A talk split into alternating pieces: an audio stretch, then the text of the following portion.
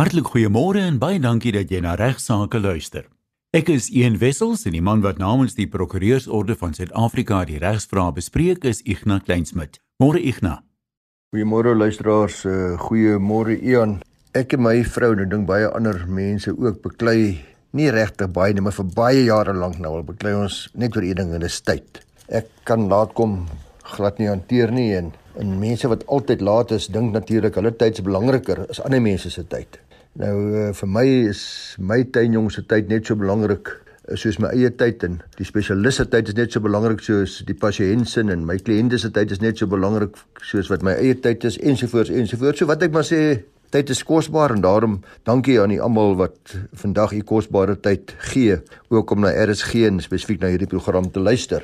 Ons weet almal dat uh, seksuele misdrywe is 'n baie teerpunt vir enige persoon, veral in Suid-Afrika, veral in hierdie tyd wat ons vroue maand pas verby is en waar misdade teen vroue opnuut baie aandag gekry het en ek het in daardie proses baie skokkende syfers gesien. En 'n aanleiding van hierdie skokkende syfers het ek vir Esmanie McCalley hier by ons kantoor, jong kwame prokureur gevra om bietjie vir my ietsie hieroor te skryf en veral oor die moontlikheid of mense siviele eise kan instel vir verkrachting. Nie net kriminele eise nie, maar ook geld kan kry as mens verkragt was. Nou die 2018-19 misdaad statistieke toon dat seksuele misdrywe vanaf 50108 in die vorige jaar toegeneem het na 52420 in die 2018-19 en in die afgelope jaar 2019-20 is dit verhoog na 53293. Dit beteken 114 verkrachtings per dag. Nou natuurlik moet mense nou in ag neem dat 'n groot hoeveelheid verkrachtings, baie meer is hierdie, nooit aangemeld word nie. So die daaglikse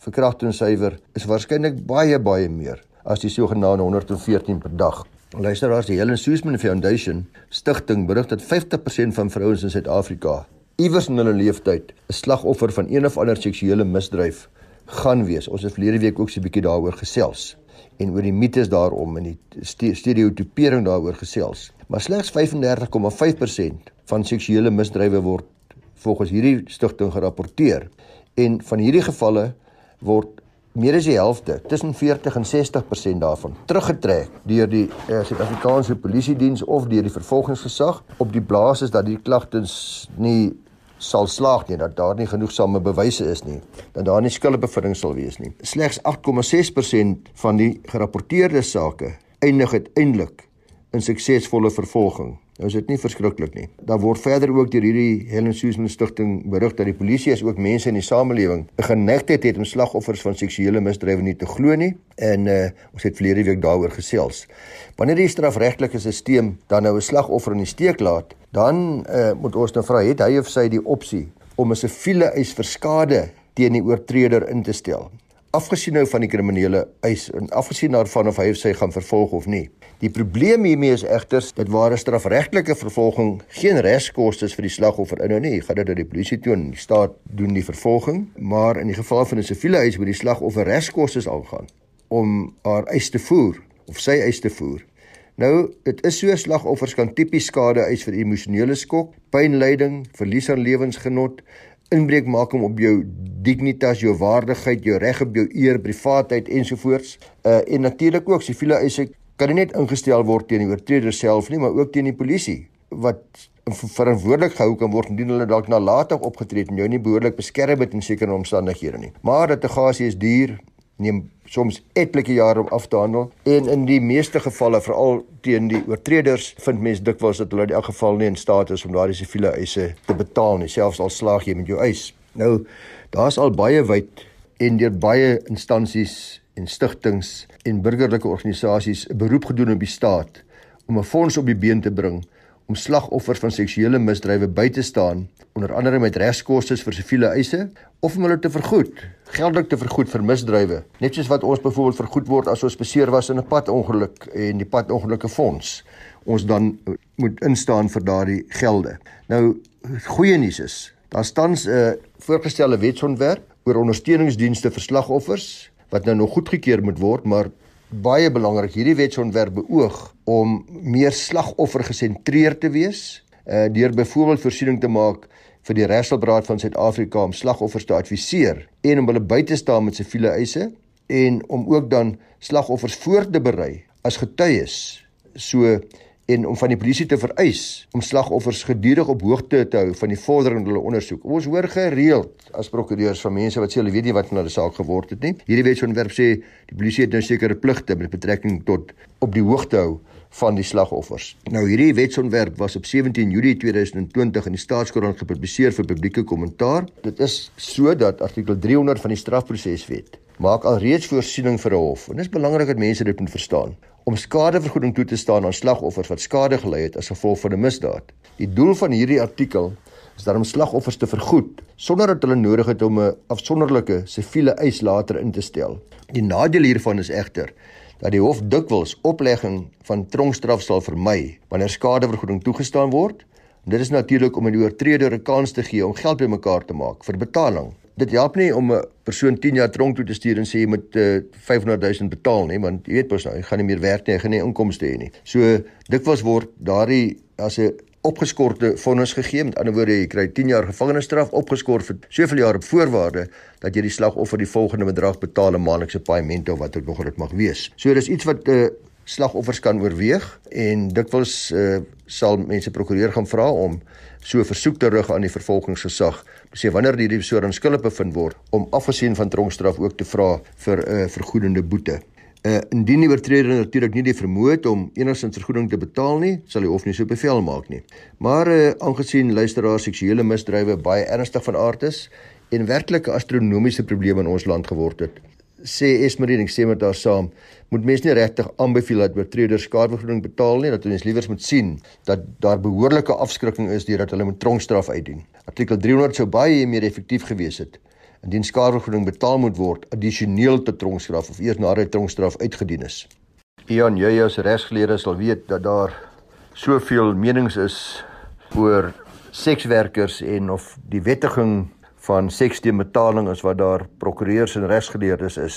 Ek bied hierdie program namens die Prokureursorde van Suid-Afrika aan. Ek gaan dus nie my eie mening gee nie, maar ek wil tog bietjie met u gesels oor sekswerkers en die hele pandemie tydperk en die vraag of hulle dienste as essensiële of noodsaaklike dienste beskou kan word gedurende die COVID-19 epidemie. Uh want die vraag of so 'n diens of bedryf as 'n noodsaaklike diens beskou kan word, is 'n vraag wat beantwoord moet word deur te kyk na artikel 213 van die Wet op Arbeidsverhoudinge. Dis Wet 66 van die van 1995 die LRA wetgewing, want hierdie bepaling omskryf noodsaaklike diens as 'n diens wat dien dit onderbreek word die lewe, die persoonlike veiligheid en die gesondheid van die hele of dele van die bevolking in gevaar sou stel. As 'n diens dus as noodsaaklik geag word, dan kan die werknemers van daardie diens ook nie aan stakingsaksies deelneem. Hulle mag nie staak nie en werknemers wat onder noodsaaklike dienste val, is dan ook verplig om alle geskille na die kommissie vir bemiddeling, versoening en arbitrasie, die KVBA of meer bekend as die CCMA te verwys. Nou luisteraar, gedurende ramptoestande soos wat ons beleef, leef het, bied die regering een of ander vorm van hulp aan aan diegene wat meestal deur die ramptoestand geraak word. En uh sulke mense kan dan soos u baie van u weet en baie van u is uh het dit ontvang is die voordele van daarvan ontvang as wettige werknemers kan dan eis vanaf die werkloosheidsversekeringsfonds die probleem ontstaan egter wanneer is dit nou wettige werknemers? Uh dis nou in die konteks van sekswerkers. En aangesien onwettige werkers So sekswerkers natuurlik baie bang is om na vore te kom, want hulle nie hulle dienste kan lewer sonder om 'n misdryf te pleeg in baie gevalle nie. Dan is dit waarskynlik dat die meeste van hulle ook nie as vakbondlede geregistreer is nie. Willem van der Merwe, jong prokureur hier by van Velden Duffy, het weer gekyk na wat die toets is om te bepaal of 'n diens 'n noodsaaklike diens is. En hy sê dat die beste saak hieroor is die konstitusionele hofsaak van SAPS versus Popkroon andere 2011 saak En die hof het daar gesê dat wanneer howe geroep word om oor die vraag te beslis oor wat presies 'n noodsaaklike diens is, moet hulle baie eng, baie noue interpretasie volg. Die hof bevind dat nie alle in daai saak, dat nie alle Suid-Afrikaanse polisie dienswerknemers altyd besig is met noodsaaklike dienste nie. Slegs daardie werknemers sê die hof wat die SAPD in gevolg artikel 29 van die wet op die Suid-Afrikaanse polisie diens as lede gekies het, sal gedek word en dis noodsaaklike dienste verrig. So as 'n diens nie as 'n noodsaaklike diens bestempel kan word nie, uh, kan dit slegs 'n noodsaaklike diens wees as indien dit onderbreek word Luister mooi, as dit die lewens, die persoonlike veiligheid, die gesondheid van die hele of enige deel van die bevolking tot gevolg sou hê. Hier kan mens nou dink 'n baie goeie voorbeeld van noodsaaklike dienste is dokters en verpleegkundiges. En dan natuurlik ook polisie wat inderdaad aktief werk om ons almal te beveilig. 'n Komitee vir noodsaaklike dienste het onlangs ondersoek op 'n aantal terreine, insluitende gesondheid en onderwys, uh ondersoek en na hierdie ondersoeke is die farmaseutiese dienste, die groothandel en die veiligheidsdienste ook onder andere verklaar as noodsaaklike dienste vir doeleindes om te bepaal wie wettige werknemers is. Nou kom ons kyk 'n bietjie na die wettiging en die beskerming of die wettigheid uh, van sekswerkers. Nou gevolge die wysigingswet op strafreg is enige persoon wat onwettig vleeslike gemeenskap het met 'n ander persoon skuldig aan 'n misdryf. So in wese is prostitusie in Suid-Afrika vir alle doeleindes insluitend in die koop en verkoop van seksdienste dis onwettig. Verwante aktiwiteite soos bordele is ook onwettig, alhoewel die toepassing van hierdie wet soos ons almal weet, eintlik uh, baie swak is. Die wetstoepassing daarvan is amper nie bestaande. Die vraag oor die wettigheid van sekswerkers volg op 'n baie kontroversiële vraag en dit is of sekswerkers dan beskerm moet word. Tans vra sekswerkers al vir 'n hele klompie jare die regering om hulle asseblief as 'n noodsaaklike diens te laat verklaar sodat hulle kan aanhou werk ook gedurende hierdie grendeltydperk. Nou in Kylie versus uh, die Kommissie vir uh, Konsiliasie, Mediasie en Arbitrasie en ander, dis die CCMA, is 'n 2010 saak destyds was die applikant 'n sekswerker wat na bewering onbillik ontslaan was. Sy het daar geskil na die KVBA vir arbitrasie verwys en hierdie kommissaris het gesê dat die KVBA nie jurisdiksie nie uh, as gevolg van die aard van die betrokke diens. Die saak is toe in die arbeidshof toe daar's bevind dat aangesien die betrokke diens onwettig was, gaan die eis nietig wees en dis nie afdwingbaar nie. Hulle kan dus nie hierdie sekswerker help nie. Die saak is na appel toe en die arbeidsappelhof beslis dat almal en dis nou belangrik wat ek eintlik hier wil oordra vandag aan u almal dat almal gelyke grondwetlike regte het, insluitend artikel 23 waarin verklaar word dat almal die reg bebillike arbeidspraktyk moet hê. So ons uh, arbeidsappelhof beslis dat die appellant, dis die sekswerker, as 'n werknemer onder die wet op arbeidsverhoudinge beskou moet word. Sekswerkers se onwettige aktiwiteite, sê die hof, verhoed hulle nie op sigself outomaties om 'n verskeidenheid grondwetlike regte wel te geniet nie. Ter afsluiting het die hof ook gesê dat dit nie sekswerkers kan of wil straf nie. Strawwe van sekswerkers, dit is iets wat die wetgewer moet doen en dit is eh, deel van die strafregproses. En uh Luisteraars, baie interessante uitspraak al in 2010 en die vraag wat nou gestel word in die lig van hierdie uitspraak is of sekswerkers tans in die grendeltyd ensovoorts geregtig dalk mag wees op verligting vanaf die staat artikel 23 van die grondwet is baie duidelik. Dit verklaar dat almal die reg op billike arbeidspraktyke mag geniet, almal.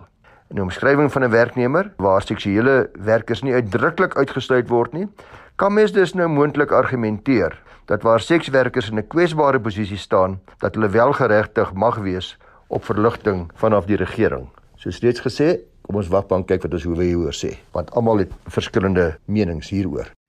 As jy al ooit gewonder het oor die toelaatbaarheid van leunverklikker toetse by dissiplinêre verhore, bly ingeskakel vir die tweede deel van vandag se regsaake. Gereelde luisteraars sal onthou dat ek 'n week of twee gelede bietjie gesels het met u oor die moontlike belastingverligting wat 'n mens kan kry as jy werk vanaf jou huis af. Op 'n wakker jong prokureur, ons Elnay Gerber het my toe daarop gewys en sy is heeltemal reg dat ek moet daarom miskien net ook vir ons luisteraars sê dat almal kan nie besigheid bedryf vanaf jou huis nie. Grendeltyd het baie dinge in ons lewens verander. Baie van ons het van die huis af gewerk, maar Die vraag of ek ook my besigheid mag bedryf vanaf my huis af is ook belangrik. En baie huiseienaars is dalk onbewus daarvan, sê Elnay, dat hulle titelakte sekere beperkings en voorwaardes bevat. En sy verwys my na 'n onlangse saak van McKay en ander versus Ursiweb en ons beperk en ander. Dit is 'n saak van 2019 3510 van 2019 en in daardie saak het die eienaar van die eiendom se titel 'n voorwaarde bevat wat ons gereeld in praktyk sien en baie van u wat huis het so titelaktes, transportaktes sal ook so voorwaarde het. Ek lees dit vir u. This earth shall be used for residential purposes only and no trade or business or industry whatsoever shall be conducted thereon. Dus vrylik vertaal, Hierdie erf mag slegs vir woondoeleindes gebruik word en geen handel of besigheid mag bedryf word daarop nie. Uh, Standaardvoorwaarde by dorpsgebiede uh, en dit beperk nou ons almal wat huise het met daardie voorwaarde dat ons slegs ons huise mag gebruik vir bewoning of residensiële doeleindes. Om hierdie eiendomme te gebruik vir besigheidsdoeleindes, luisteraars, sal iemand aansoek doen by die plaaslike owerheid, die plaaslike munisipaliteit waar die eiendom geleë is vir eerstens die hersonering van die eiendom. Dit sal natuurlik ook meebring dat as jy nog gehersoneer word as 'n besigheidsperseel, dat die eiendom op 'n ander tarief, heffings en belasting by die munisipale owerheid sal betaal. En tweedens sal hy ook moet aansoek doen vir die verwydering van hierdie beperkende voorwaarde wat in die transportakte vervat is. Hierdie saak het gehandel met 'n maatskappy wat handel gedryf het uh, vanaf 'n uh, erf, 'n residensiële erf waarop daar nie besigheidsregte was nie en wat toe aansoek gedoen het wel vir hersonering en vir die verwydering van die beperkende voorwaarde. Die munisipaliteit het glad nie gereageer het nie op hierdie aansoek gesê hulle stem saam of hulle keer dit af nie, of hulle opponeer dit nie, maar het wel al begin hierdie eiendom belas asof dit wel gesoneer is vir besigheidsdoeleindes want daar is besigheid bedryf van daar af ander huiseienaars in dieselfde dorpsgebied, die bure, dit gebeur baie gereeld, het die aansoek teengestaan by die munisipaliteit en, en ons kry baie gevalle as prokureurs waar bure van mense wat besigheidsbedryf sonder dat hulle mag van hulle huise af kom klaar by ons en dan moet daar stappe geneem word sodat hulle eintlik verbied kan word waar die sonering nie korrek is nie om daardie besigheid te bedryf. Nou die regter in hierdie saak het baie beslisste standpunt ingeneem ten opsigte van die bedryf van 'n besigheid en hy het gesê geen besigheid mag bedryf word teenstrydig met die beperkende voorwaardes nie en het verder ook gemeld dat hierdie applikant die maatskappy wat handel gedryf het buite regte gehandel het en onregmatig opgetree het al vir minstens 15 maande. So het hulle kwaliek geneem dat hulle al vir 15 maande maar net aangegaan het terwyl hulle goed geweet het. Hulle mag nie besigheid bedryf vanaf daardie erf nie en dit was nie gehersoneer nie. En verder het dit ook volgens die regte was dit duidelik dat hierdie maatskappy sou in elk geval voortgegaan het om die uh, wette oortree dat dit hulle bedoeling was om aan te hou om besigheid te bedryf of daar nou 'n wettige verslapping van die beperkende voorwaardes was of nie. So luisteraars, dis duidelik uit hierdie baie belangrike uitspraak. Dis niks niets nie, ons almal weet dit eintlik, maar die hof het weer net baie duidelik te kenne gegee dat hulle erg gekant is teen besighede wat besigheid doen sonder dat daar behoorlike sonering is en omdat dit natuurlik ook gaan met die rustigheid van die buurt en die reg van uh, al die ander in daardie omgewing uh, om nie besighede onmiddellik in hulle buurt te hê nie. Dis baie belangrik dus om te weet dat jy as huiseienaar mag dit nie doen nie en om seker te maak dat as jy dit wil doen, jy eers toestemming verkry voor jy begin handel dryf omdat dit andersins onwettig is om teenstrydig met beperkende voorwaardes op te tree. Dankie aan Elnay. Onderwerp waaroor ons baie gereeld skrywe skryf op hierdie program Ian is die sogenaamde poligraaf toetse, die sogenaamde leuenverklikker toetse of lie detector test. Nou uh, dit word baie gereeld gebruik deur werkgewers om te bepaal of 'n werknemer die waarheid praat en uh, belangrik is dat daar geen spesifieke arbeidswetgewing is op hierdie stadium in ons land wat beheer het om die werknemer se regte in hierdie verband te beskerm nie of wat bepaal oor watter gebruik van so 'n verklikkertoets beskou sal word as misbruik van regte maar daar is wel baie dienskontrakte wat baie duidelik as deel van die dissiplinêre proses uiteensit dat sulke leen verklikkertoetse wel gebruik mag word as deel van 'n dissiplinêre verhoor of as deel van die ondersoek voordat 'n dissiplinêre verhoor plaasvind. Werkgewers skryf dikwels vir ons en dan is hulle baie ongelukkig met die feit dat hulle verplig was om 'n poligraaf ondersoek te ondergaan. Uh maar belangrik is op die vraag of hulle verplig is om hulle aan 'n so leenverklikkerstoets te onderwerp, is dat dit kan slegs 'n verpligting plaas op hulle as hulle toegestem het by wyse van 'n skriftelike dienskontrak of as hulle toegestem het tot 'n interne dissiplinêre kode wat hulle mee saamgestem het of natuurlik as hulle ook toegestem het by wyse van 'n kollektiewe ooreenkoms waar hulle deel is van 'n vakbond. Nou ja, dan die kommissie vir konsiliasie, mediasie en arbitrasie of ook genoem die CCMA sê onder andere dat enige ooreenkoms wat voorsiening maak dat 'n werknemer verplig is om uh poligraaftoetse ondergaan moet inskrif wees. Hulle sê verder dat hierdie werknemer moet voor so 'n toets moet hy behoorlik ingelig wees dat dit vrywillig is of dat hy toegestem het daartoe per skrif en dan moet die ooreenkoms vir hom getoon word en nie nodig en ook dit vra wat mag hom gevra word wat voorheen aan hom uitgewys is dat dit oor hierdie spesifieke onderwerp sal handel. Die werknemer het altyd 'n reg op 'n tolk indien hy dit verkies en as die werknemer dit ook verkies, dan mag 'n ander werknemer of verteenwoordiger om bystaan gedurende hierdie ondersoek, maar op voorwaarde dat hierdie ander werknemer of verteenwoordiger nie inmeng in enige manier met die prosesse wat plaasvind tydens hierdie poligraaf toets nie uh, geen misbruik mag plaasvind nie en van watter aard ook al nie. Geen diskriminasie mag toegelaat word. Aan die ander net sekere werknemers word getoets en ander nie en dan mag ook geen dreigemente wees nie. Dan oor die vraag wanneer kan 'n werkgewer dan nou poligraaftoetse gebruik? Nou kom die uitslaa en is dit nou bruikbaar of nie? Nou dikwels sal werkgewers slegs hierdie leenverklikkerstoetse gebruik by ondersoeke na spesifieke voorvalle is nou waar werknemers dalk nou toegang gehad het tot eiendom wat die onderwerp is van 'n ondersoek en daar's 'n redelike vermoede dat die werknemer daar betrokke was by die insident en verder sal poligraaftoetse oor die algemeen net gebruik word waar daar finansiële verlies was of nadeel vir die besigheid van die werkgewer byvoorbeeld diefstal misbruik van eiendom ensovoorts. En dan word dit ook gebruik wanneer die werkgewer poog om oneerlikheid te bestry en te verminder in posisies waar daar aangedring kan word op eerbaarheid en waar daar 'n moontlike waarin waar die moontlikheid van 'n uh, eh, vertrouensbreuke skade sal aandoen aan die besigheid. Maar en laastens dan ook uh, maar is nie dis nie alles insluitend nie wanneer die uh, werkgewer probleme het byvoorbeeld met alkoholmisbruik dwelmverslawing ander narkotika of bedrieglike optrede deur werknemers wat byvoorbeeld behelf dokumentasie of korrupsie en en dergelike. Nou die belangrike vraag eintlik wat almal vra in die briewe wat hulle vir ons stuur, is kan hierdie resultate nou openbaar gemaak word? Die CCMA sê dit kan net openbaar gemaak word aan 'n gemagtigde persoon en die gemagtigde persoon is gewoonlik die persoon wat die poligraaf toets ondergaan het of iemand wat spesifiek skriftelik betrokke was gedurende die ondervraging. Verder is poligraaf toetse het dit enige gewig.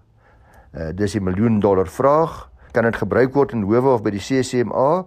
Nou dit is so dat poligraaf toetse en die uitslaa daarvan is al aanvaar as getuienis by die CCMA en die persoon wat dan nou die poligraaf toets opgestel het, sal dan geroep word as as 'n deskundige getuie om te bepaal of die uitslag van die toets geloofwaardig is en dit sal dan ook afhang van of die toets behoorlik gedoen is. Die plig van die kommissaris is om te bepaal of dit toelaatbaar is en of dit geloofwaardig is of dit betroubaar is hierdie getuienis. Die CCMA sê dan ook dat poligraaftoetse mag nie geïnterpreteer word asof dit dui op skuld nie, maar mag slegs gebruik word om ander getuienis te ondersteun. Daardie is nou getuienis wat reeds suggereer, wat reeds aandui dat die uh, werknemer inderdaad sekere wanpraktyke of ongemagtigde handelinge verrig het. In ander woorde, Die poligraaf toets en is belangrik luisteraar, die uitslag daarvan op hulle eie is nie 'n basis om enigsins skuld te bewys nie. So ter afsluiting, wanneer daar poligraaf toetse gedoen word, sogenaamde skuld leenverklikkers toetse, dan moet eh, die werkgewer eers seker maak dat die werknemer daartoe toegestem het in terme van 'n skriftelike dienskontrak alternatiefelik soos ek gesê het die uniese ooreenkoms waarin die werknemer behoort en dan moet daar ook duidelik verstaan word deur al die partye dat hierdie uitslag van hierdie toets kan niks meer wees as net stawende getuienis vir die KVBA as daar 'n dispuut is tussen die werkgewer en die werknemer nie. Soos altyd baie dankie Ignas. Ignas kan ongelukkig nie persoonlik jou vrae per e-pos of telefonies beantwoord nie, maar stuur jou vrae direk na hom vir bespreking op die program. Sy e-posadres is ignas@ffd.co.za. En onthou as jy nie maandag na regsaake kan luister nie, elke program is ook as potgooi beskikbaar op RSG se webwerf, rsg.co.za.